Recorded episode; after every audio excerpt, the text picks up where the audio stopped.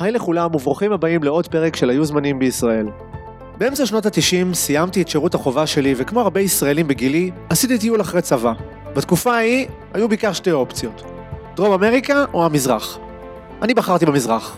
נסעתי, נהניתי, עשיתי דברים רציניים, עשיתי דברים פחות רציניים, עשיתי גם שטויות, תכלס בעיקר שטויות, וכשחזרתי לקח איזה שנה, שנה וחצי עד שהתאפסתי על מה שקורה פה. חייתי כזה בעולמות ה-in between. בכל מקרה, בזמן הזה התחיל איזשהו דיבור על סרט שהסתובב בחבר'ה שלנו, שקוראים לו הכוכב הכחול. סרט שמוקרן בכל יום שישי בחצות בסינמטק כבר כמה שנים וממלא את האולם בכל שבוע. אז הלכתי לראות. כמובן לא לפני שעישנתי שחטה, כי זה מה שעושים לפני שהולכים לסרט הזה. ומבחינת החוויה שלי, כל מה שסיפרו לי היה נכון. נהניתי מכל רגע. ראיתי סרט שבו הדמות הראשית מזכירה לי אותי, סרט שיש לו פסקול ואווירה שמוצאים חן בעיניי, וראיתי את העולם שלי בסרט הזה, עולם שלא רואים בדרך כלל בקולנוע, וגם התיאור שלו היה יוצא דופן ומושך. ואז עבר עוד זמן, התבגרתי, הלכתי ללמוד קולנוע ואנימציה, והסרט נשאר אצלי באיזו פינה חמה בזיכרון. ולא רציתי לראות אותו שוב. למרות שאני מאוד אוהב לראות סרטים שאני אוהב יותר מפעם אחת, וגם יותר מפעמיים. למה לא רציתי לראות? כי חששתי שאני לא אוהב את הסרט הזה בצפייה חוזרת. הייתי בטוח שהוא שייך לתקופה מסוימת בחיים שלי, תקופת הודו, ושעכשיו אני בן אדם אחר. בן אדם סאחי, בורגני, אחד שיש לו עכשיו גם תודעה קולנועית, אז למה להרוס? מכירים את זה שאתם לא רוצים להרוס הרגשה טובה וזיכרון? לפעמים פשוט בא לך להשאיר את הדברים כמו שהם ולא לקלקל. אבל הייתי יותר מדי סקרן, ויום אחד הסקרנות ניצחה. וכשהתיישבתי לראות, לא האמנתי כמה שנהניתי. ברמה שזאת הייתה חוויה אפילו הרבה יותר טובה ממה שהייתה כשהייתי בפאזת הודו. וזאת גם הייתה ההוכחה, בשבילי לפחות, שהסרט הזה הוא קלאסיקה אמיתית. בעיניי מדובר באחד מסרטי המסע הטובים ביותר שנעשו בישראל. ואז גם התחלתי להתעניין בהצלחה העצומה של הסרט הזה. הצלחה שאין שום דבר שדומה לה. אין אף סרט בישראל שהוקרן בכל שבוע במשך תשע שנים. במושגים של היום זה פשוט בלתי נתפס. וסיפור ההצלחה של הסרט הזה, מלבד העובדה שמדובר בסרט מצוין, קשורה גם בדבר שאין דרך אחרת לקרוא לו מלבד יוזמה מעוררת השראה של הבמאי גור בנטוביץ' והחבר שלו זוהר דינר. שניהם הפכו יצירה שאף אחד לא רצה לעשות לקלט היסטרי. אז הפרק של היום עוסק בכוכב הכחול, ויש בו את השיחה שלי עם הבמאי גור בנטוביץ', שמאז עשה עוד כמה סרטים מעולים. דיברנו על הסרט, על ההצלחה שלו והתופעה התרבותית שנוצרה סביבו, ואיך אפילו סרט קולנוע יכול להפוך למיזם עסקי. וזה גם המקום לספר לכם, אלה שראו ואלה שעדיין לא, שתוכלו לצפות בסרט המופלא הזה בהקרנה מיוחדת שתקרה בסינמטק תל אביב ב-8 לפברואר 2024. הקרנה שתוקדש לזכרו של קשת קסטרוטי, זיכרונו לברכה, שנרצח ב-7 לאוקטובר בפסטיבל נובה, בנוכחות משפחתו, החברים וגם הבמאי גור בנטוביץ'. קשת מאוד אהב את הכוכב הכחול, יצירה שהייתה עבורו, כמו רבים, הרבה יותר מרק סרט. וגם הפרק הזה מוקדש לזכרו. אז תודה שהצטרפתם, ועכשיו לשיחה שלי עם גור. גור בנטוביץ', מה העניינים? לא רע בכלל. אז קודם כל, כדי שנבין את התעודה שהסרט הזה יצר סביבו, משום שבאמת מדובר בנתון מדהים, תקן אותי אם אני טועה, הוא הוקרן תשע שנים ברציפות בסינמטק תל אביב, נכון? בסביבות האלה, כן. כן, אוקיי, כן. וזה, ו, ואת השם שלו הוא יצר בעצם מזה שהוא הוקרן אה, בכל יום שישי בחצות, נכון? כן. והגיע, הביא אליו קהל, בעצם חלקם הגיעו בפעם השנייה, השלישית, רביעית והעשירית, אה, בעצם אנחנו מדברים... 23 פעמים, פעם בא אליי מישהו ואמר, שאלתי אותו, ראיתי אותך כבר פה פעם, לא? אז הוא אמר לי, כן, אני כבר ראיתי, ספרתי 23 הקרנות משמעותיות, הוא אמר לי. וואו, אבל זה אז לא... אמרתי, מה זה משמעותיות? אז מה הוא ענה? לא יודע, נראה לי הוא היה פסיכי. אוקיי, אבל זה לא הגיע למצב כמו מופע קולנוע של רוקי, נכון? שאנשים צועקים באולפן וזורקים כל מיני דברים כאילו תוך כדי. אנשים ישבו וראו. כן, לא, בלי תחפושות, נראה לי רק הטקס של השחטה לפני. כן. אבל, אבל קהל רגוע מה שנקרא, כן, אימצו מילים, אמרו אותם מחוץ לקולנוע, אבל באמצע הקרנה לא היו צועקים שטויות למיטב ידיעתי. כן, אוקיי. טוב, מה שמדהים, עוד יותר מדהים בסרט הזה, שזה היה סרט סטודנטים, נכון? סרט גמר שלי באוניברסיטה. אוקיי, אז לפני שנצלול פנימה ונבין למה הסרט הזה הגיע לאן שהוא הגיע, אתה רוצה לתת לי איזשהו, בקווי מתאר כלליים את העלילה, למרות שיש שיגידו שהיא משנית, אני לא חושב ככה דרך אגב. אה, יש לך בשני משפטים? המשפט הזה שבא לי בחלום, שזה כאילו מתאר הכי טוב, אוקיי. סיפור כמעט אמיתי על בן אדם כמעט נורמלי שכמעט והגיע לכוכב הכחול. אוקיי. זה אז- הכי טוב שאני הצלחתי וחשבתי הרבה לחפש, אה, אוקיי, אז לי אתה מרשה? אבל אני מסכים שיש עלייה ואני אשמח לשמוע אותה מפיך. אוקיי, אז בסדר. אז אם אני, מה שנקרא, מפרק את כל השכבות ומשאיר איזשהו שלד, אז סיפור מתחיל בבחור ששמו מולי, שמשחק אותו אלון אבוטבול, ושהוא מתכנן לנסוע לקהיר, ובתחנה המרכזית הישנה, עליה השלום, נגנב לו התיק, אבל אנחנו מבינים בעצם שהתיק זה לא מה שחשוב, אלא הבן אדם שלקח לו את התיק, ויותר ממה שהבן אדם חשוב, אלא המקום שהוא מבטיח לו להגיע אליו, שזה נקרא הכוכב הכחול, ובעצם במהלך הסרט אנחנו עוקבים אחרי המסע של אותו מולי בדרך אל הכוכב הכחול. מה קורה בסוף, על זה נדבר בסוף, אה, וזהו. עכשיו, אה, תשמע, הסרט הזה מאוד חורג מה, מהקונבנציות שאנחנו מכירים מהקולנוע, הדמויות לא שגרתיות, אה, אטמוספירה מאוד מאוד שונה, דיאלוגים לא תמיד קוהרנטיים, וגם הנוכחות של הסמים בסרט. מאיפה באה ההשראה? שילוב של החיים שלי באותה תקופה, הרבה מהדמויות הם בעצם אנשים שהיו סביבנו. כתבתי את הסרט עם זוהר, שגם משחק. זוהר דינר. זוהר דינר, שגם משחק את זוהר בסרט. הרבה, אז הרבה זה חוויות שקרו לנו בשנים שקדמו בעצם לתקופה הזאת, כי בתקופה הזאת כבר למדתי קולנוע, אז הייתי פחות מבולבל, אבל זה איזושהי הקרנה של שנות בלבול שעברו עליי, יחד עם זוהר ומולי, שאותו משחק אלון. אה, מולי זה דמות אמיתית. מולי זה דמות אמיתית שאפילו מופיע במצב החסה כמה שנים קודם הסרט קצר שלי, אבל מאז הוא חזר בתשובה, ולכן אלון נכנס לנעליו הגדולות ומשחק אותו. אפילו שרציתי את מולי, אבל הרבי שלו אמר שקולנוע זה הבל הבלים ולא אישר לו להופיע בסרט, ואולי טוב שכך, כי אלון עושה עבודה נהדרת. כן. אז הרבה, הרבה מזה מהבלבול וחיפוש הדרך והמסע הסטלני פילוסופי, הרבה זה החיים שלי שקדמו לעשיית הסרט, ו... אבל הצד המימד היותר פסיכוטי הוא מחבר שהתפלא באותה תקופה, שהוא הכניס את כל המושגים היותר... את, ה, את הכוכב הכחול נגיד, את הגמדים שעוקבים אחריי, את כל הדברים האלה זה בעצם חבר שהתפלפ ודיווח מתוך הפלפה ואני אימצתי את זה. הוא יצא, הוא יצא מזה דרך אגב. לא, הוא כבר משוגע 35 שנים, זה משהו רציני. הוא כבד מאוד, כבד מאוד. כן. הוא אחד מהמופלפים הראשונים, אז עוד לא ידעו שיש דבר כזה בכלל.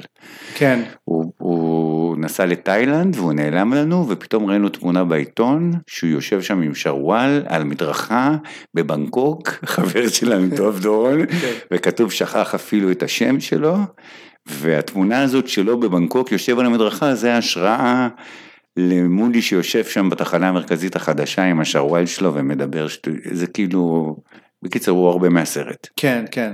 כשאני הייתי בהודו אז היה לי חבר גם כן שהתפלפ. והוא, ואנחנו ליווינו אותו לשדה התעופה בשביל להחזיר אותו הביתה, קבענו עם ההורים שלו והם הגיעו לשדה התעופה ובשנייה שהוא ראה אותם הוא ברח. לא ראיתי אותו איזה חצי שנה משהו כזה, אבל אחרי, אחרי חצי שנה ראיתי אותו ברחובות תל אביב, הוא היה נראה לי בסדר גמור, אז זה סיפור של מישהו שהתפלפ. ו... כן, אפשר גם, חלק חוזרים, חלק כן, לא. כן, לפחות על פניו היה נראה שהוא בסדר גמור. עכשיו, קשה לי להישמע לא פלצן, אבל כאילו הסרט הזה, אם אני מנסה לחפש רפרנסים, בכל זאת, מעבר לחוויות האישיות, כי בכל זאת, האיש קולנוע. אז אני חושב על פליני, ואני חושב על ברגמן, אז אני, אז אני כן, אני יודע שאני נשמע קצת פלצן, כי הסרט שלך הוא הרבה יותר נונשלנט, ואצלהם זה משהו מאוד מחושב, ומסורטט כזה. אבל אני שואל את זה כי אם בכל זאת היה לך גם השערות קולנועיות. אם כן, אני לא חושב שזה פליני וברגמן. אוקיי. כבודם במקום המונח. באמת לא עולה לי שום רפרנס, בגלל זה אני שואל את כן. זה. באמת שלא עולה לי כלום. תראה, אני זוכר סרטים שראיתי שהתחלתי ללמוד קולנוע, אני לא הייתי אה, גיק של סרטים. זאת אומרת, אני לא גדלתי עם התחושה שאני אהיה קולנוען וראיתי מיליון סרטים מגיל אפס, אז זה לא שבאתי מגובש מאוד קולנועית, אבל בתקופה שהתחלתי ללמוד, היו כמה סרטים שכאילו פוצצו לי את המוח, ואחד מהם, אני לא יודע אם זה מורגש אה, בסרט, זה ברטון פינק. של האחים כהן. שמשהו שם ב... לא יודע אם לקרוא לזה פסיכודליה או סוריאליזם או לא ברור, אה, מאוד נגע אליי למרות שאני לא מבין בכלל את הסרט הזה עד היום, גם שאין לי מושג על מה הסרט הזה ואני מרגיש כאילו שהוא, שיש שם משהו בתוך הקופסה הזאת. כן. אז הוא מאוד דיבר אליי מצד אחד, מצד שני, בדיוק ראיתי לפני שהתחלתי ללמוד קולנוע, אני חושב שזה הסרט שהדליק אותי זרים, או Strangers than Paradise שקוראים לו, שזה הסרט הראשון של ג'רמוש שהכי התחברתי אליו מכל סרטיו, ומה שמאוד התרשמתי שם, שזה סרט על אנשים כמוני וכמוך, שלא קורה כלום בחיים שלהם, ועדיין זה סרט מאוד יפה, ואז אמרתי בוא'נה, אם אפשר לעשות סרט על החברים שלי ועל החיים שלנו, אתה מבין, זה פתאום אה, הראה לי שסרט יכול להיות גם על סתם אנשים, כאילו, אז קצת אולי בקטע הזה אה, הושפעתי מג'רמוש, אם להיות פלצן כמו שאתה אומר. עכשיו אתה מגיש את הסרט הזה, אתה מראה את זה לאיזשהו אוטוריטות מסוימות בשביל לקבל תקציב, קרנות למשל כן. גם כן וזה. תראה. מה התגובות? אז תראה, קודם כל אני רוצה, היה לי מורה באוניברסיטה שהכי טוב שהיה לי בחיים שקוראים לו מיליק, זיכרונו לברכה. הוא אמר, אני לא מבין מה כתבת פה בתסריט, אבל הוא נורא התלהב ממצב החס, הסרט קצר, הוא אמר, אתה תעשה וזה יהיה יפה, אבל תיעזר באנשים, הוא, הוא הפיח בי המון אה, התלהבות, לא היה לו יומרה להבין מה אני מתכוון לספר בסרט. לקרן באנו עם, ה, עם התסריט, זה סיפור מצחיק שהיה לי עם זוהר, שזוהר בכלל לא בא מהעולם של הקולנוע. אז באתי איתו לקרן עם התסריט הזה. עכשיו, ברור שאת התסריט הזה אף קרן לא תאשר, בטח לא, אתה יודע, ב-93 או מתי שבאנו. בגלל זה שאלתי, דרך כן, אגב. והם הסתכלו עליי כאילו מי זה הדפוק הזה, ואז הם אמרו, אם רק תשנה ותוסיף ושיבינו את זה ושיבינו את זה, ואז זוהר הסתובב אליי ואמר, עזוב אותך, אלה בחיים לא ייתנו לך כסף, בוא נלך מפה. בוא, בוא פשוט נעשה את הסרט, אמרתי לו, אבל איך נעשה את הסרט, כאילו, אם לא יביאו לנו כסף, הוא אמר, זהו, אז בוא נעשה, יהיה בסדר, בוא נעשה אותו, ודווקא זוהר, שהוא לא מבין כלום בקולנוע, אה, שכנע אותי שנעשה את הסרט ולא נחכה לקרנות, כי הם בחיים לא יביאו לנו כסף, וזו עצה מעולה, כי הם בחיים לא היו מביאים לנו כסף. כן. וגם כשהסרט יצא, אז באמת אפרופו אוטוריטות, אף אחד לא ראה אותו ממטר, אף אחד לא רצה לגוע בו עם מקל, אף קולנוע לא רצה להקרין אותו, הכישוף הזה המשיך. כן. בעצם חוץ ממך ומזוהר, מישהו אומר לך תמשיך, או שזה בעצם רק שניכם? אלון היה מאוד, אה, אלון, לקחתי אותו בכלל, הוא היה שכן שלי, הוא גר באותו בניין. אלון אבוטבול. כן, אז אלון, אה, לזכותו ייאמר שהוא פשוט מאוד שמח בגלל מצב החסה וזה, והוא פשוט אמר, אני אהיה פה נוכח, ואתה יודע, הוא גם, כל מי שהיה בסרט עבד שנה בחינם. כן. כל, הדרך להתקבל לסרט זה לא היית צריך להפגין כישורים, היית צריך להסכים לבוא לעבוד בחינם, וככה התקבצו אוסף של תימונים, וגם היו כל מיני אנשים שפגשתי פעם שאמרו, מאוד אהבנו את מצב החסה, שתעשה סרט ארוך תקרא לנו, אז פתאום התקשרתי ואמרתי, הנה אני קורא לכם, אז אמרו, יאללה אנחנו באים. כן. וגם חברים וגם פה הצטברנו איזה 15 איש, שכאילו אין להם שום דבר יותר טוב לעשות בחיים, והם מאוד מאוד עזרו, כאילו, זאת אומרת, מה זה, בזכותם הסרט, כל האנשים האלה שבאו ועבדו בהתנדבות במשך, כן. זה לקח שנה, כאילו, מאוד איטי היה התהליך, כן. מטבע הדברים. אז אה, כן, אי אפשר להגיד שזה רק אני וזוהר. למי שלא מכיר דרך אגב, פשוט אנחנו מזכירים את מצב החסה, אז מצב החסה זה סרט שעשית אותו בשנה ב' אם אני לא כן. טועה, נכון? סרט קצר, 11-12 דקות, שמאוד הצליח. כן, דווקא הוא היה הרבה יותר קומוניקטיבי, והוא התקבל למלא פסטיבלים שאפילו לא ידעתי שיש דבר כזה שקוראים לו פסטיבלים לקולנוע, וטסתי לטוקיו ולשם ולשם שנה שלמה, אמרתי איזה כיף. ואז אמרתי עכשיו אני אעשה סרט ארוך ואני אטוס עשר שנים בכל העולם, אבל את הכוכב הכחול אף פסטיבל אף פעם לא קיבל. באמת? פעם אחת הוא התקבל לפסטיבל בקלקוטה, אוקיי. אבל לא כי הם ראו את הסרט והעריכו אותו, אלא אנחנו מכרנו להם אורניום מועשר ובתמורה הם קיבלו את הכוכב הכחול, זה איזה דיל מפוקפק, שלא טוב להרחיב עליו את הדיבור. כן, צביקה הדר מופיע, שומעים את הקול שלו לפחות במבצע החסה. נכון. הוא כרוז שם, נכון. עכשיו, אה, איך באמת השגת את, זאת אומרת, איך, איך, איך באמת ליהקת את, אה, את אלון אבוטבול? אתם שכנים, ומה, הוא מכיר אותך במצב החסה ואתה נותן לו את התסריט והוא משתגע? כי צריך להגיד, אלון אבוטבול בשנות התשעים, הוא מאני מייקר, הוא די בשיא כוחו מבחינה, מבחינה קולנועית, מבחינה טלוויזיונית. זה לא מובן כן. מאליו שאתה מצליח לגייס אה, קליבר כן. כזה. קודם כל צריך לזכור שלא עשו בכלל כלום בתקופה ההיא. זאת אומרת, היו נורא נורא מעט סרטים, אז זה עוד היה לפני חוק הקולנוע, עשו בממוצע חמש פיצ'רים בשנה. אוקיי. אז גם כשהיית, נבחרת להיות הכוכב של שנות ה-80 בקולנוע הישראלי, שזה איזה תואר שאלון עשה איתו באבירות, לא רצו אחריך מאות במאים וביקשו ממך להופיע. זאת אומרת, כל מי שהיה קשור בקולנוע היה בעצם מובטל רוב הזמן. שאני לא רוצה להקטין את תרומתו של אלון, וזה שהוא הסכים להתנדב שנה זה מאוד יפה ומאוד עזר, ובזכותו גם כל זה קרה, אבל אה, היה, בגלל זה גם אנשים הסכימו לעבוד בהתנדבות אז, כי גמרת ללמוד קולנוע, לא יכלת ללכת לעבוד עוזר הפקה ב-700 שקל ליום, כאילו מחרתיים באיזה הפקה טלוויזיונית, לא היה שום מקום ללכת לעבוד בו, אז אומרים לך בואו מצלמים פה פיצ'ר, זאת אומרת אני אעבוד בחינם, לפחות אני אהיה בסרט, אראה איך עושים סרט, אז אה, היה יותר קל להשיג אנשים כי לא הייתה עבודה ולא לא הייתה תעשייה, לא היה כלום, קצת כזה. אוקיי, יש איזושהי תחושה של רומנטיות אבל בכל המחתרתיות הזאת, לא? בדיעבד, בדיעבד. בדיעבד כן, ובזמן אמת זה היה די מייגע. כאילו, אתה יודע, לעשות הכל לבד ולסחוב הכל לבד, זה כאילו היה די סיזיפי כל התהליך. אנחנו מדברים על שנה. שנה של צילומים. אף אחד לא מרוויח כלום, פשוט באים, מה שנקרא, אתה מספק להם ארוחת צהריים, זה מה שאתה נותן להם? חדשית דיל כזאתי? עם שווארמה, אתה תרבוש.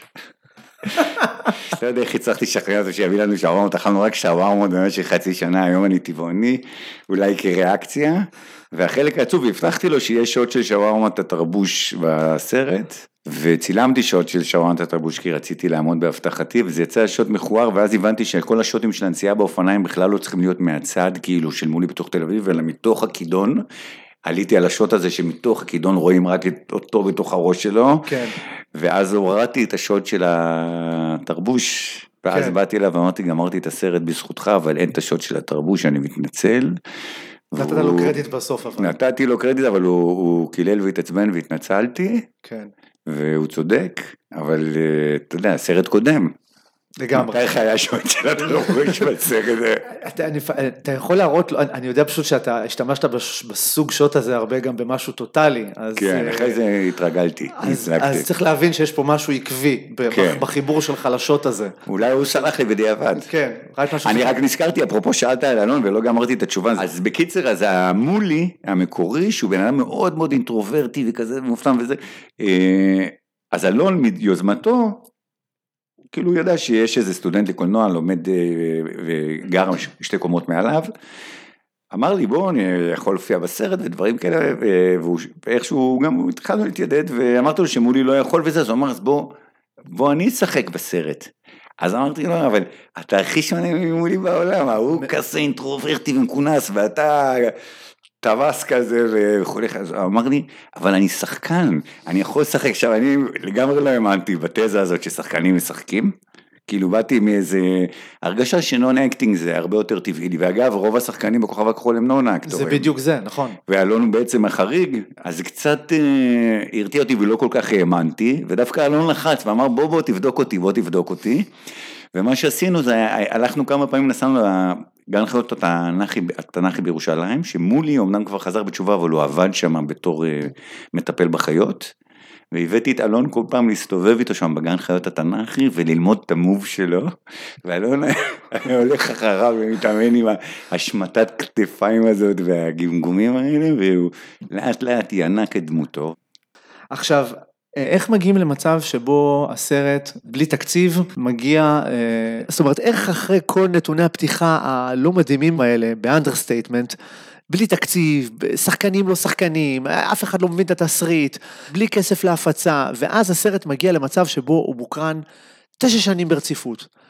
זה מטורף, איך אתה מסביר את זה? הייתה שם איזושהי עבודת יזמות, זה לא... כן. ספר לי את התהליך, איך הגעתם למ- למצב המטריף זה עוד הזה. מזל גדול מאוד שהיה לנו בסרט, שבטעות לגמרי הכרנו אותו בפסטיבל ירושלים, שזה היה טעות כי הוא, הוא נחל של כישלון, אה, זה היה אפרופו פסטיבלים, פסטיבל ירושלים כן קיבלו אותו כי היו רק חמישה סרטים מאותה שנה בארץ, והוא ממש התקבל רע ואף אחד לא אהב אותו וכאילו זה, אתה יודע, היו שם אה, עליזה אולמרט והחברות שלה, זה כאילו קהל מאוד סולידי, זה לא התאים הסרט, גם הבאתי את הלהקת חימום, את המהפכה המיותרת, הם הלכו מכות עם הסדרנים של הסינמטק, היה סיוט, אבל ישב שם אריק נלר, שכל הקרדיט על ההפצה של הסרט ועל השיטת הפצה שלו בשנה הראשונה מגיעה לאריק נלר, שמאז הפך לסוכן אגדי. אז הוא היה בחור צעיר שחזר מניו יורק, עם כל מיני רעיונות כאלה ניו יורקים מהוויליג'. כן. ואז הוא אמר לי, ראיתי את הסרט, סרט יפה מאוד, אף אחד פה לא הבין אותו, מה שאתה צריך זה לעשות איבנט, אתה צריך להקרין אותו רק פעם בשבוע, ואתה צריך לעשות מזה הפנינג, ואתה צריך לעשות לפני זה הופעה, ואתה צריך לחלק בירות, ואתה צריך ככה, ואתה צריך אחרת, וכל מה שהוא אמר עשיתי, בול אחד לאחד מה שהוא אמר, אמרתי הנה בן אדם ש... לא יודע למה, האמנתי ש... אני אגיד לך למה, עכשיו אני נזכר. כי בהתחלה זה לא היה ככה, בהתחלה רציתי להביא את הסרט לג' ג' ולמישהו שישים אותו בקולנועים, ואף אחד לא רצה אותו, כל מי ש... כל המפיצים אמרו זה סרט חרא, למה שאנחנו נקרין אותו, אז אף קולנוע לא רצה להקרין אותו. איך זה גורם לך להרגיש, לקבל לא, לא, לא ולא כל פעם? זהו, היה לי אז, אה, אה, איך אומרים את זה, שגיבורי על יש להם, אה, כל גיבור על יש לו איזה תכונה מסוימת, יכולת מסוימת, אז הייתה לי מין תכונה של גיבור על, של אטימות מוחלטת לביקורת, שאננות מוחלטת. כן. ו... אתם לא מבינים את הסרט, אתם פשוט, כן, אתם כולם לא... טועים, כולם טועים ורק אני כן. לא יודע, היה לי כזה, היום אני לא יכול, אני לא כזה בן אדם. הייתי נחלש, הייתי אומר אולי זה לא יפה, טה טה טה. כן. אז חשבתי שכולם טועים ורק אני צודק, לא יודע מאיפה זה בא, מטמטום של נעורים. אז אף אחד, אף קולנוע לא הסכים להקרין את זה, ואז בא אריק עם הרעיון הזה, ואז אמרתי יאללה, ואז הזכרנו את הקולנוע הכי כושל בתל אביב באותה תקופה שקראו לו קולנוע לימור. לונדון מיניסטור, נכון? לונדון מיניסטור, עכשיו זה כבר היה בתקופה שקולנועים התחילו, כבר התחיל, התחיל הוידאו, התחילו לדוח הקולנועים, זה היה קולנוע שהקרין סרטים בריראן, זאת אומרת אחרי שהם עשו את הסיבוב הראשי שלהם, הם משומשים, הם כבר בני כמה חודשים, אז הוא כאילו אה, חי מהשאריות, משהו כושל כזה שבאים שמונה אנשים להקרנה ודברים כאלה, אז אמרתי לו בוא אתה בלאו הכי אין לך הרבה אנשים, והוא גם לא רצה, אז הזכרתי ממנו פעם בשבוע בחצות, כי הוא גומר את ההקרנות שלו בחצות, אז אפילו לא על חשבון סרט אחר, בחצות את הסרט, הייתי נותן לו 200 דולר בכניסה, כל, כל שבוע מחדש, ואני הייתי מוכר את הכרטיסים בעצמי, והייתי אומר אתה מקבל 200 דולר, לא אכפת לך כמה אנשים באים. 200 דולר זה היה הרבה בשבילו, בשביל הקרנה, כי היו באים לרוב להקרנה אצלו שמונה אנשים. כן, ו... מה שנשאר לו ההוצאה זה, זה חשמל ומזגן, זהו. זהו, ו- והמקרין הזקן שהיה נשאר. כן. פעם בשבוע, היה יודע שזה היה בהתחלה בימי חמישי, לא שישי, שישי, לא זוכר מה, אז פעם בשבוע וזה הסלוט הזה, וכאמור עם כל העצות של אריק. היה להקת חימום המהפכה המיותרת, שאני הייתי מביא להם את ההגברה וזה, אבל הם היו מופיעים בחינם ואני הייתי רק אחרי כאילו לעזור להם להתארגן, לרוב זה היה במהפכה המיותרת, שזה היה להקת הבית, שיש לה גם שיר בסוף הרולר, ואחרי זה התחילו, כשנמאס להם אז התחילו להגיע עוד כל מיני להקות, שאמרתי פשוט, כל מי שרוצה יבוא, יראה לי, ישמיע לי קלטה, נשמע לי יפה, מופיע. כמה זמן הופעה לפני הסרט? חצי שעה נגיד, ובינתיים כל מי שקנה כרטיס, היינו מביאים לו גם בירה. הצלחתי לשכנע את טמפו להביא לי חביות במערוף. עדיין היה צריך לגרום לאנשים לבוא, אז חילקנו בלילות פליירים, היינו מסתובבים אני וזוהר בלילה ומחלקים פליירים ומדביקים פוסטרים, ובהתחלה, אתה יודע, אנשים הסתכלו על זה בחשד, כי נראינו כמו אנשים שבטח עשו סרט מאוד חובבני. המראה שלנו קצת עורך חשד, אבל לאט לאט התחילה השמועה. זה לא קרה ברגע, ובהתחלה, אתה יודע, היו באים 20 איש, 30 איש, ועכשיו אני כל פעם בא, אני חייב להיות שם פיזית, כי אני מוכר את הכרטיסים ואני מוזג את הבירות, אז הייתי בכל ההקרנות בשנה הראשונה. ולאט לאט התחלתי לראות שמגיעים יותר אנשים, אני זוכר את הכניסה הזאת ללונדון מיניסטר, שאתה רואה מכיוון אחר, ואתה אומר וואו, 11 וחצי עוד אין איש, ופתאום מגיעה איזה חבורה של שלושה, אתה אומר אוקיי, לפחות יהיו, ולאט לאט באים יותר אנשים, וזה מתחיל להביא לך רגשה, ופתאום אתה רואה פרצופים מוכרים, של אנשים שאתה אומר וואלה, הם היו כבר בסרט, לא חשב, לא לקחתי בחשבון שיהיו אנשים שיתחילו לבוא עוד פעם ועוד פעם, כן. ואז זה התחיל לתפוס, ואז אחרי כמה חודשים, נגיד שלושה חודשים כבר היה מלא לגמרי, והיו יושבים במעברים והיה צריך לשלוח הביתה. זה רגעים מדהימים, לא? אופוריה, אופוריה, זה הדבר הכי טוב שקרה לי בחיים. אני גם חושב שזה הדבר הכי טוב שיכול לקרות לקולנוען. אתה יודע, אנשים קיבלו פרסים בפסטיבלים וזה, אני אף פעם לא קיבלתי פרסים בפסטיבלים, אבל זה שזכיתי למכור כרטיסים לסרט של עצמי ולראות אנשים באים עוד פעם ועוד פעם. ו... מתי אתה מפסיק לשלם את ה-200 דולר? בוא נגיד ככה. אז זהו, עכשיו אני בשלב מסוים אמרתי אוקיי, זו הייתה חוויה טובה, איזה כיף, עכשיו בוא נמשיך עם חיי, וכל הזמן אמרתי לבחור מקולנוע לימור, אתה, אתה כבר רואה שזה מתמלא, זה יהיה הרבה יותר מ-200 דולר אם תמכור כרטיסים. בוא קח את זה ממני, והוא לא רצה, ואני התחיל לשעמם לי, אחרי שנה התחיל לשעמם לי, עכשיו זה כיף, אני עוד פעם, זה היה מרגעי המאושרים ביותר לראות את כל האנשים האלה, אבל לא רציתי להיות קופאי, כאילו לא זה מה שחלמתי לעשות, וגם רציתי לנסוע להודו וכל מיני דברים כאלה, ואז אמרתי לו, טוב, אם אתה לא תיקח את הסרט, אני אעביר אותו לסינמטק. ואז אה, עברתי לסינמטק. והם שם פשוט כבר קיבלו אותו, כבר ש...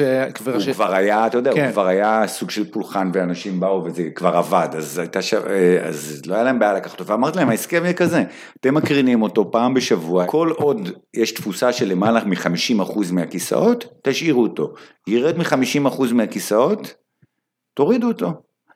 לקח שמונה שנים עד שזה ירד מ-50% מהכיסאות, מעצמו, ובשמונה שנים האלה אני כבר לא המשכתי, אתה יודע. כן, כבר עשית ב-2000 כן, משהו עשיתי כבר טוטאלי. עוד סרט, והפסקתי למכור כרטיסים בקיצר ולהסתובב עם פליירים, כן, וזה כבר המשיך מעצמו, מה שקוראים אה, פה לאוזן. זה היה החזון של אריק, כן. מבין? הוא אמר לי, אם זה ירוץ רק פעם בשבוע, יהיה לזמן לאנשים, לספר לאנשים אחרים, ואז זה יתפשט, ואז יהיה... הוא גם אמר לי שאסור לי להתראיין בשום מקום, בשביל שזה יישאר במחתרת, הוא ידע בדיוק... אה, אז, ו... ו מה שקצת אה, מעורר מחשבה, שבאופן אירוני, אם זה לא היה קורה ככה, זאת אומרת, אם אריק לא היה פוגש אותי, ו- או אם גולן גלובוס היו אומרים, כן, בואו נקרין את הסרט אצלנו, היו מקרינים אותו שלושה ימים, היו באים עשרה אנשים, הסרט היה יורד, בחיים לא היית שומע עליו, ואני הייתי בדיכאון קליני, ובחיים שלי לא עושה יותר שום דבר אחר. מדהים. המון בסוף תלוי בכזה פוקס.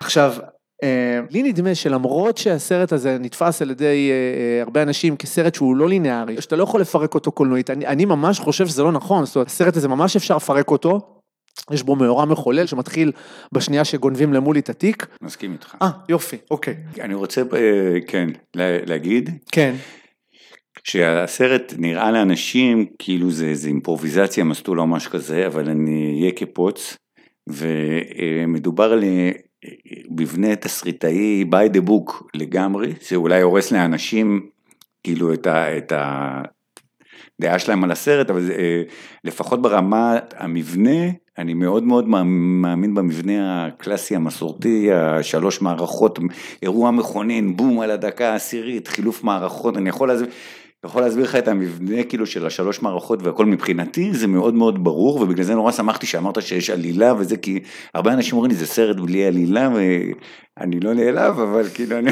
אומר למה, למה בלי עלילה. ואני מאוד צחי בדבר הזה ואני חושב שהנה אתה גם רואה כמו ברצפט דקה עשירות אירוע מחולל. כן. אתה מבין זה by the book למה לא. אבל עדיין, אני חושב שמאורע מחולל בדרך כלל ברוב הסרטים קורה אחרי 20 דקות, 25 דקות. פה הוא קורה נורא מהר. עשר, אני אומר לך, כן, זה עשר? רצפט, עשר, תסתכל ב- במתכון, דקה עשירית, אירוע אה, מאורע אם אני. פותח עכשיו את איך לכתוב תסריט של קובי ניב, כן, יהיה כתוב כן, לך יהיה דקה עשר. עשירית. אה, אוקיי, אז בסדר. אני הלכתי לפי ספר אחר, אבל אתה יודע, הם כולם אומרים את אותו דבר, ספר שקוראים לו Making a Good Script Great, כן, סתם ספר שנתקלתי בו פעם, וקראתי אותו והוא שינה את חיי, פתאום בבת אחת הבנתי כאילו מה זה אומר שתסריט עובד ומבנה וזה, נפל לי האסימון וככה כתבתי את מצב החסה כבר בזכות הספר הוא. ובדבר הזה אני מאוד שמרן, אני אומר אפשר לשגע הכל, לערבב הכל, אה, אבל דווקא שהמבנה יישב כאילו, אתה יודע, כן. שב- זה השאסי של הדבר, שישב טוב. עכשיו, אני מבחינתי, הדבר שתופס אותך, הדבר הראשון שתופס אותך בסרט, זה שמכריזים לך על איזשהו מקום אוטופי, שאתה צריך להגיע אליו, ואתה אומר, אוקיי, אני עכשיו עובר את המסע יחד עם הגיבור, וזה נורא נורא מסקרן אותי, מה זה הכוכב הכחול הזה, מה זה המקום הזה שהוא מדבר עליו כל כך. אבל שמה למשל עשית איזה משהו שמבחינתי הוא מאוד מעניין. כי אם למשל אני לוקח עכשיו את הקוסם מארץ עוץ, או את הסיפור שלו נגמר, שגם שם יש גיבור שצריך להגיע לאיזשהו, אה, לעבור איזשהו מסע ולהגיע לאיזושהי נקודת סיום מסוימת. בסרטים האלה, לגיבור נאמר בצורה מפורשת, תלך מפה לפה ואתה צריך לעבור ככה וככה. אצלך, הרפלת את זה בכוונה. אחד מהדברים שמשחקים עם ה... לא יודע אם משחקים עם המבנה, הרי גם בתסריטאות הקלאסית, הגיבור צריך אה, להוביל את הסרט משלב מסוים. וזה היה מין מכשול שהיה לנו פה, כי אה, זה אגב יש לי את זה בכל הסרטים שלי קצת, שלרוב הגיבורים שלי קצת מבולבלים מדי, ואז עכשיו אנשים מבולבלים, אה, קשה להם להוביל עלילה קוהרנטית, מעצם כן. היותם מבולבלים, זה פרדוקס כזה. אז אה, לשאלתך על, על המסלול שהוא עובר, מה שקורה, הוא סתם, הוא, אפילו לא יודע לאן הוא נוסע. כן. אין לו תוכנית, אתה מבין? ואתה כאילו מ- מדובר בבן אדם מאוד אבוד ומבולבל, זה גם העירו לי, אנשים של, שלא מתחברים לסרט, מה הם אומרים? זה לא בן אדם שמתבלבל, הוא כבר מתחיל את הסרט כל כך מבולבל ואבוד, אז לא, איך אתה חושב שאנחנו נראה שהוא מתבלבל? הוא כבר מתחיל אותו מבולבל, שזה טיעון לגיטימי. כן. אה, אני לא יודע אם אני בכלל אה, עונה בצורה קוהרנטית, אפרופו הבלבול, אבל כבן אדם מבולבל הוא מראש לא כך ידע לאן הוא הולך, ובגלל זה הוא היה מוכן לוותר, ובגלל זה הוא התייאש, ובגלל זה הוא חזר הביתה, ורק כשנודע לו שכבר אין לו בית לחזור אליו, הוא נפלט חזרה לתל אביב, ורק אז בחילוף מערכות, אפרופו מבנה, הוא פוגש את רפי ואילן, ומתחילה המערכה השנייה שעכשיו הוא בעקבות זוהר. זה כאילו המהלך שרק בעצם בדקה ה-25, אפרופו תבנית, כן. הוא פתאום עולה על הקו ומתחיל... זהו, שם אתה מבין, אני לפחות בתור צופה הבנתי שיש פה איזשהו מסע למקום מאוד ברור. וזה התחלת המערכה השנייה. כן. כי עד אז הוא אבוד. אה, אז אה, הסצנה הזאת שהוא פוגש את שני גנבי האופניים, זה בעצם אה, אחת הסצנות הכי זכירות בסרט.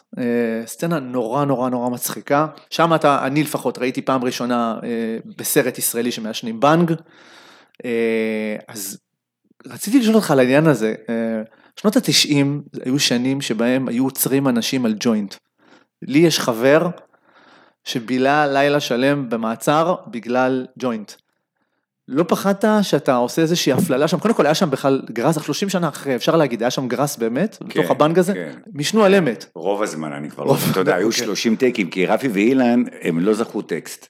אז היה המון המון טייקים, כי הם היו מוכנים לעשות חזרות רק כשמצלמים. אוקיי. אז זה היה 30 טייק, כל שוט שאתה רואה של רפי ואילן היה 30 טייקים עד שהם זכו מה אומרים, אז כאילו לעשן 30 בנגים רצוף, זה, זה לא עוזר לזכור את הטקסט, אז לפעמים זה רק היה ניקוטין, אבל אה, כן, לא... ולא פחדת מהפללה, אנחנו בכל זאת בשנות התשעים. נגיד, א', חוזרים למצב החסה, במצב החסה הרי הם מגדלים גרס נכון, על הגג. נכון. שזה גם דבר, דבר שמשום מה לקחתי מחיי הפרטים, ואז כולם אמרו לי, איך אתה יכול שיעצרו אותך שמגדלים גראס, ואמרתי, אבל אני לא מבין, שקופולה עושה את הסנדק ויורים במישהו, אז לא עוצרים אותו על רצח. כן, נכון? נכון. אז למה שאותי יעצרו, כאילו, זה, זה סרט, כן. זה fiction. ו, אה, מעבר לזה שאולי אה, זה לא קשור לקולנוע, אני, אני החלטתי, שחזרתי לארץ מנדודיי, שגראס זה חוקי, ושאני אשן איפה שאני רוצה ומתי שאני רוצה ושזה בסדר, ואם אתה ב state of mind הזה, אז זה בסדר, אף אחד לא עוצר אותך וכלום. עבר באמת זמן מאז ואנחנו בסוג סוג של... הנה, וזה קרה. בדיוק. באופן אירוני, עכשיו שזה קרה, אני כבר לא מעשן גנג'ה, שזה מאוד עצוב, עד שכבר מותר, כן. אבל אה, ככה רצה הגורל. אוקיי, עכשיו... אה, למרות שאני רוצה להגיד משהו סאחי. תגיד. אולי זה כי אני כבר לא מעשן מסיבות בריאותיות.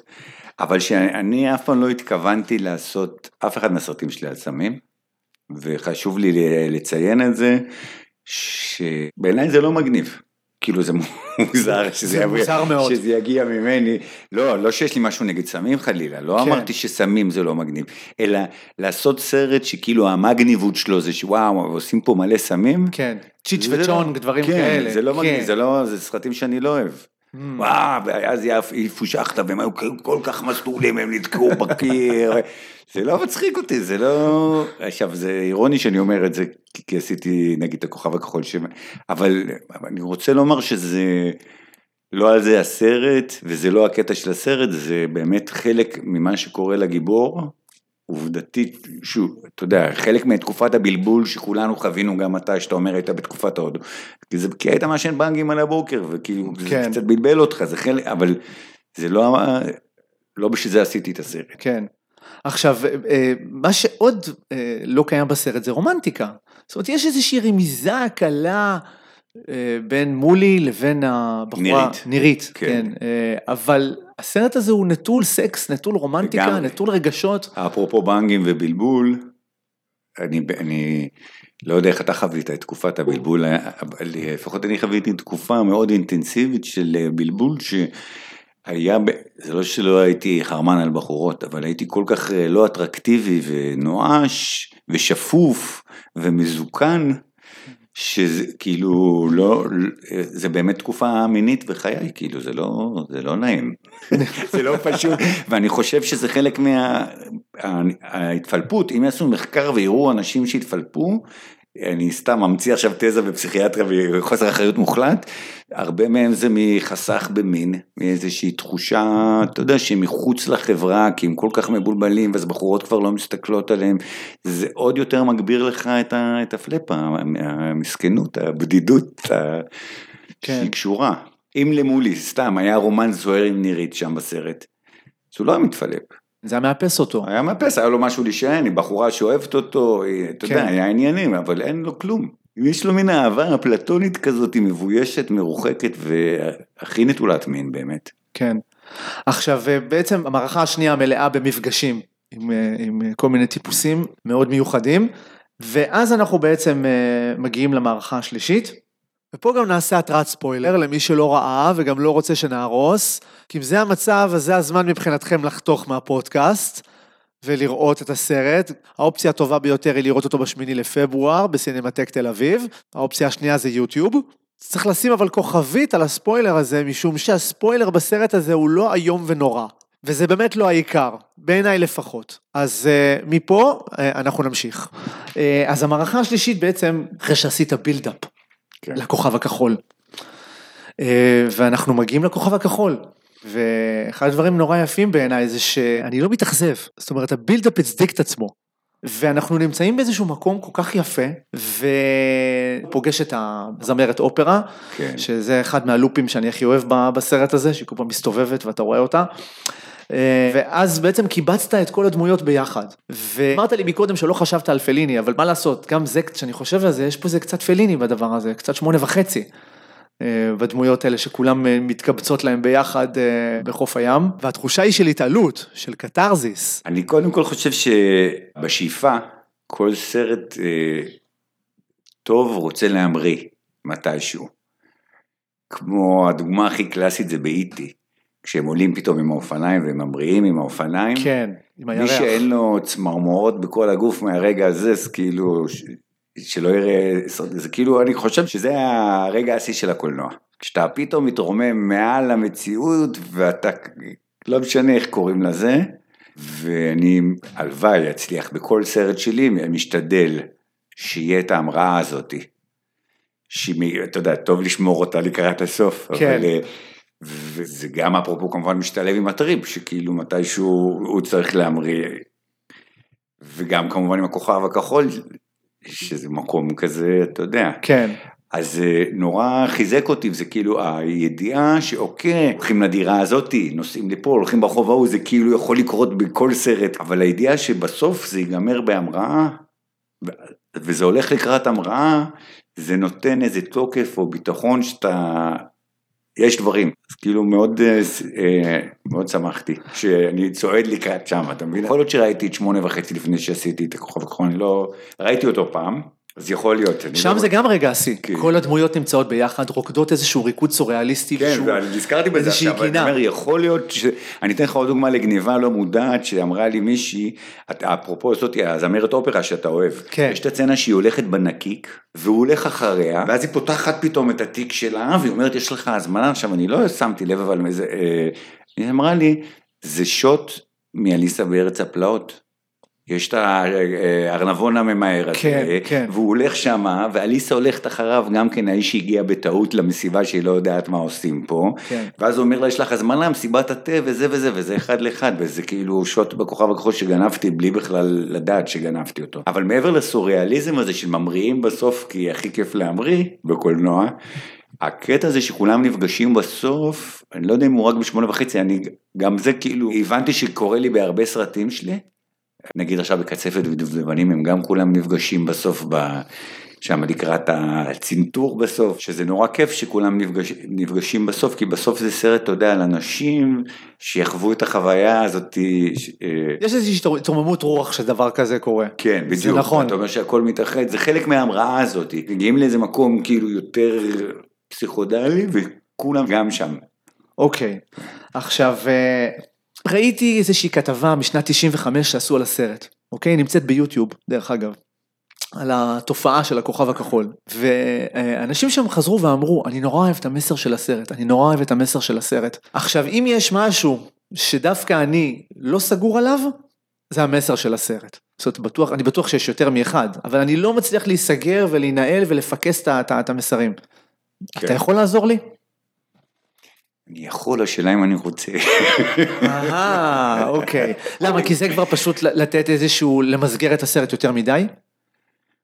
לא, אני מפחד לצאת, אה, אני, כאילו, כי כל מיני אנשים אה, רואים כל מיני דברים, ואז אני מצמצם, כי גם מה שאני אגיד עכשיו הוא רק מה שעולה לי עכשיו בראש ונשמע לי רלוונטי עכשיו, זה לא בהכרח מדויק, אתה מבין? אני כן. קצת, קצת גוזם מדי את העץ. לא, בדיוק עכשיו מישהו דיבר איתי על הסרט והסביר לי על מה הסרט, והוא לקח את זה למקום לגמרי אחר ממה שאני חשבתי באותו רגע, עוד פעם, אולי פעם חשבתי את זה.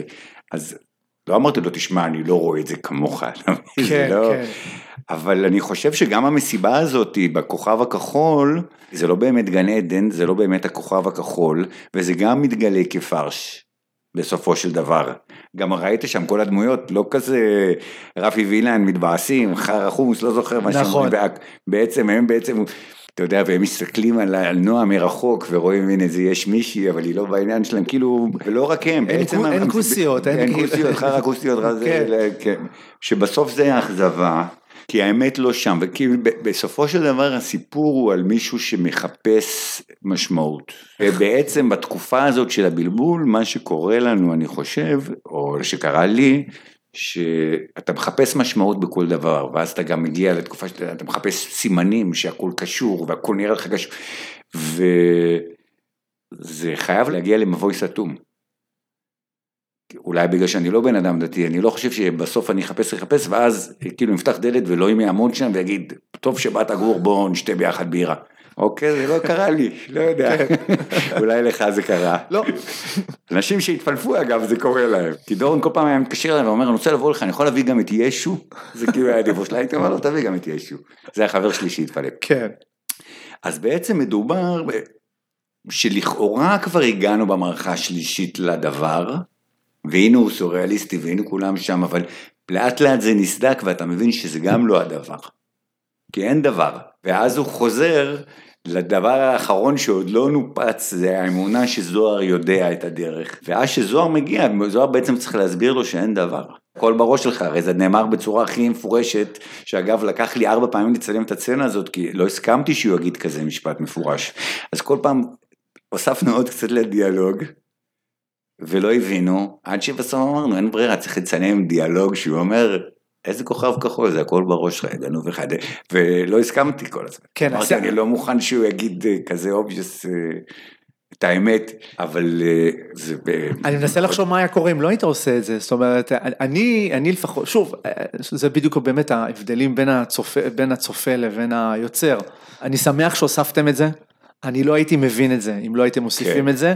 זאת אומרת, כן. חוץ מזה שזה היה נורא מצחיק, שזוהר אומר לו, איזה, סתם רציתי לג'נן אותך. כן. הרי זה הכל, זה הכל, זה הכל קשקוש אחד גדול, כל הסיפור הזה. אני נורא, אני, אני, בסופו של דבר, אני אמרתי לך, אני נורא, נורא אהבתי את הבחירה הזאתי. אה, אז נדבר איתך על הפסקול. הפסקול זה חתיכת קטע, אני חייב לספר משהו על גון, כי יכול להיות שלא הרבה אנשים מכירים את הלהקה הזאתי. אז הלהקה הזאת זה להקת רוק מתקדם משנות ה-70, שהייתה מאוד פופולרית בזמן ההוא, אה, ששילבה רוק, ג'אז, סוריאליזם והרבה הרבה מאוד הומור. אה, אז בוא תספר לי על הבחירה ואיך בכלל הם הסכימו כן, שתכניס... קודם כל זה, זה חוטא להם לקרוא להם רוק מתקדם, כי רוק מתקדם יש לו מין דימוי כזה אה, רציני וחשיבות עצמית, והם הכי הפוך. נכון. אני חושב הם קוראים לעצמם post revolution, כאילו אחרי שמתייאשים כאילו מה, מההיפיות אז כאילו אפשר אה, להסתלבט שזה כאילו קצת המצב רוח גם של הכוכב, אפרופו זה שאין למה לחפש. אה, אני, אני מאוד אהבתי את גונג וזה היה אחד, אחד מהחיבורים שלי עם זוהר הראשונים, עבדנו ביחד באיזה מטבח ב, וגילינו ששתינו אוהבים את גונג והיינו שומעים המון גונג במטבח של הפאב שהיינו עובדים בו. וכשערכנו את הסרט, אז אתה יודע, אתה שם טמפ מיוזיק כל הזמן. כן, מוזיקה זמנית שאתה אחר כך אמור להחליף אותה בסאונדטרק האמיתי של הסרט. אתה שם דברים בשביל מה שנדבק, אתה משאיר. ויצא שגונג נורא נדבק, המון קטעים של גונג נדבקו, אה, והיה חסר רק טרק טראנס אחד, שחיפשתי וחיפשתי, ואז יום אחד הייתי במסיבה בלמון, היה פעם... היה פעם למון, כן. למון, וגם זוהר היה אגב, ופתאום שמענו טרק והסתכלנו אחד על השני, ואמרנו זה זה, והלכתי לדי-ג'יי שהיה גם הבעלים שקוראים לו יובל, למחרת, ואמרתי לו, אתה ניגנת אתמול טרק שאני חייב אותו, הוא אמר, ניגנתי אבל 200 טרקים אתמול, איך אני אדאג? ואז הוא היה חמוד, והוא ישב איתי על הארגזים וניגן לי את כל הטרקים שהוא ניגן, עד שהגענו ל track הזה. כן. וגון כתבתי להם מכתב שאין לי כסף לפלאפל שיעשו מערוף, וכמובן שהם היו הכי נחמדים ואמרו, וואו. לדעתי ב-400 דולר קיבלתי את כל ה... זה, זה עשרה track ים שונים שלהם שיש בסרט. כן. וההולנדי הזה מצאתי אותו בהולנד, הוא היה קצת יותר חמור סבר, והוא היה, אבל גם בגרוש וחצי, כי אמרתי לו אין לי כסף וזה, והוא שלח לי אפילו את ה track מפורק לערוצים, אבל זה קרה רק שהבנתי שבעצם לא תהיה מוזיקה מקורית לסרט, לא ידעתי את זה מההתחלה. כמו שחשבתי אגב שהכוכב הכחול זה שם זמני, אני רואה עכשיו תסריטים, כתוב הכוכב הכחול שם זמני, שזה מצחיק שחשבתי שאפשר לקרוא לסרט בשם אחר חוץ מהכוכב הכחול, שזה כל כך ברור, כן. באותה מידה חשבתי שזה טמפ מיוזיק. שתשב פה בינתיים, ואז התחלנו לערוך את הסאונד, ואז העורך סאונד שקוראים לו חן הרפז, שיש לו אה, חלק עצום בפסקול, הוא אמר לי, עזוב אותך כאילו מי פסקול, מה שיש לנו זה יפה, בוא נשאיר את זה ככה. ושלחתי לדיוויד אלן, המנהיג של גונג, אה, קלטה עם הסרט ב-VHS, והוא לא חזר אליי אף פעם, אבל אז יום אחד הוא בא להופיע בארץ. אז אה, חשבתי שלא קיבל את ה-VHS ההוא, אז באתי, התייצבתי לפני ההופעה והבאתי לו קלטה של הסרט, ואז הוא אמר, הכוכב הזה, והוא אמר, בטח, ראיתי את זה מלא פעמים, אני מת על הסרט הזה. וואו. כל כך התרגשתי שדייוויד אלן, שנפטר לאחרונה, אני לא יודע אם אתה יודע, יהי זכרו לא. ברוך. אה, ממש התלהב מהסרט וסיפר לי קטעים והוא זוכר וזה וזה מאוד החביא לי ומאוד שמחתי. עכשיו, אה, יש נטייה להרבה יוצרים שהם עושים סרטים קלאסיים כאלה, שהם אה, מתישהו נמאס להם לדבר על זה, נמאס להם, זאת אומרת, הם כאילו, לא יודע אם להגיד לזה התנערות, אבל איזשהו, אה, זה נוסטלגיה, זה לא, זה לא, אני הולך קדימה, זה לא מעניין אותי. קרה לך, היה לך את העניין הזה? בטח.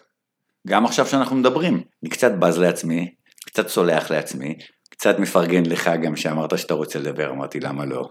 כאילו יש, יש בי גם uh, צד כזה שאומר, טוב, כמה שנים אתה יכול לדבר על סרט שעשית לפני 25 שנים? יש לי אפילו יותר.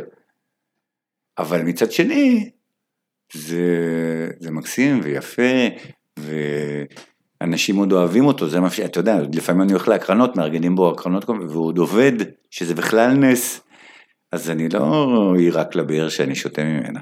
כן, קודם כל חיכיתי לאבל הזה, נורא חיכיתי לו, אה, גם מהבחינה האישית. אה, לא רוצה לחשוב שאני מבזבז במישהו את הזמן. לא, לא, לא, בגלל זה אני אומר, אל תרגיש רע, זה גם, זה גם תענוג, אבל אי אפשר לא להיות קצת מודע לעצמי. כן. ולהגיד, תראה אותך, אתה עוד מדבר על סרט שעשית לפני 28 שנים, אני חושב. כן, אני פשוט, אני פשוט תמיד מסתכל, אני מסתכל על הדברים האלה ואני אומר, לא כל אדם בעולם זכה שיצירה שלו תהיה נצחית.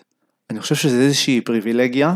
נצחית עוד לא, אנחנו כולה ב-20 וכמה שנים אה, אמרנו. בסדר, אני מדבר, אתה יודע, אני מדבר על זה, אתה יודע, מבחינה הזאת שהדור הזה אה, חי וקיים, וה- ו- ו- ו- אני אני מחכה לרגע שהילדים שלי יהיו מספיק גדולים כדי שאני אוכל לה- להראות להם את הסרט הזה. אה, יש פה איזשהו משהו שמעבר לנוסטלגיה, זאת אומרת, איזשהו גם, שימחתי אנשים ברמה הכי בסיסית. ככה אני... לגמרי, רק שלא יצא שאני תופס כן. את תחת, אני לא, הכי. אסיר תודה על זה בעולם. זה שאני אומר לעצמי לפעמים, תגיד לי, זה לא קצת מפגר שאתה ממשיך לדבר על הסרט אחרי כל כך הרבה שנים, זה כי אני גם ציני, אבל זה לא אומר שאני לא מאוד אסיר תודה על כל הדבר הזה. כן, אוקיי. שאלה אחרונה. אחת המחלות בסרטי דלי תקציב, זה שאתה רואה את זה. אתה רואה את זה בעשייה. אני רואה המון בי מוביז, ו... וכל ה... מה שנקרא, איך לקרוא לזה, הפלגמטיות הזאתי, לפעמים לא רק שאני סלחן כלפיה, אני גם מאוד, אה, זה חלק מהעניין. כן. אבל אצלך אני לא ראיתי שום פלגמטיות, זה מה שמדהים, כאילו, לא ראיתי את ה... יאללה יאללה בוא נקפל ונגמור את הסצנה. ת, ת, תסביר לי איך זה קרה. באת מאוד מחושב, היה לכם כן סבלנות, אנשים, איך, איך זה קרה? א', אני אמרתי לך, אני אגפוץ, אז כמו שאני טוען שיש מבנה לסרט, גם אם אנשים חושבים שאין לו עלילה, יש לו גם storyboard של כל הפריימים בסרט מצוירים מראש, כל שוט ושוט מצויר בקפידה ומתוכנן מראש, בגלל זה, אה, זה אתה יודע, זה קצת דיסוננס, מצד אחד זה נראה כאילו האנשים שם מסטולים ומבולבלים, מצד שני, אני יכול להראות לך storyboard של כל הסרט, ואני מאוד אובססיבי ואנרגטי, והקלף הנוסף שלנו, וזה היה, היה המוטו שלי, שאמרתי, ספילברג יש הרבה יותר כסף, אבל בגלל זה כל יום צילום עולה לו מיליון דולר, בגלל זה זמן עולה לו כסף. אנחנו פה כולנו בהתנדבות, יש לנו יותר זמן מלא. זה לא עולה לנו כסף. אנחנו נרצה, אנחנו נבוא גם מחר ואנחנו נמשיך לצלם. זה בעצם הסרט הכי דל תקציב שלי, שהיה הכי פחות לחץ לצלם מהר, והיה הכי הרבה זמן לפרטים, כי שום דבר לא עלה כסף, חוץ זה- מהפילם. אתה? כן. אבל כאילו אנשים באו בסבבה, ומה שלא הספקנו באנו למחרת. עד שזה לא היה מושלם, לא הנחנו לזה. זה נשמע כמו שיטה מצוינת, למה לא. להמשיך ליישם אותה גם, גם כשאתה... נכון. א', אני שואף לזה, שואף לזה כל הזמן, שאני, כל עוד אני יכול גם בתוך זה. ב', ה- קצת שאי אפשר להתעלם מזה שהזמנים משתנים, ואנשים היום יותר קשה לגייס צוות שיעבוד בחינם. אתה יודע, אפשר גם להגיד שזה נצלני ולא הוגן, שהם עבדו בחינם ובסוף אני יושב איתך 28, כן. שילמתי לכולם אחריהם בדיעבד מהרווחים, חשוב לציין גם. הרווחת מהסרט, בסופו של דבר. בסופו של דבר הרווחתי מהסרט. וואי, שזה נדיר מאוד, אני אני לא יודע כמה אנשים יודעים של כן, בארץ חייתי בקולנוע. ממנו חמש שנים. וואו. כן. ולא היו פסטיבלים בתוך ההנאה הזאת, זה הכל הגיע מה- מהקרנות של הסינמטק ולימור. כן. ומאנשים ברחוב שעוצרים אותך ומספרים לך. לפעמים אני רואה פתאום איזה דוס בתחנת דלק, הוא אומר, אתה יודע, כוכב הכחול, ואז חזרתי בתשובה וזה השפיע עליי, וזה כל מיני דברים כאלה. וואו. כן, זה מנצח פסטיבלים, לדעתי. אבל בפסטיבל ההוא בקלקוטה, בא אליי איזה עיתונאי פורטוגזי מאוד מאוד מסטול, ואמר לי בעוד 300 שנה, כשהאנושות תדע להשתמש בסמים לטובתה ולא תילחם בה, הסרט הזה יהיה להיט. אמרתי לו תודה רבה חביבי. כן. אני חושב שזה אה, מה שנקרא בדיוק המקום היפה לסיים. רגע, לפני זה אני חייב לציין שהסרט, אה, אתה הואלת בטובך אה, לתת את הסרט הזה לצפייה בחינם ביוטיוב, באתר היוטיוב שלך. לגמרי, וגם עשיתי לו, חשוב לציין כי יש כמה עותקים פיראטיים, עשיתי לו עותק remastering דיגיטלי משופץ ויפה של סריקה מחדש והכל הכי חגיגי. והעליתי אותו ביוטיוב למען אה, כל מי שרוצה, גם אותו וגם משהו טוטאלי. אז זה זמין לכם ומומלץ בחום וזה באיכות מעולה. אה, אז אה, תודה רבה גור, היה לי תענוג. תודה רבה לך, גם לי היה תענוג.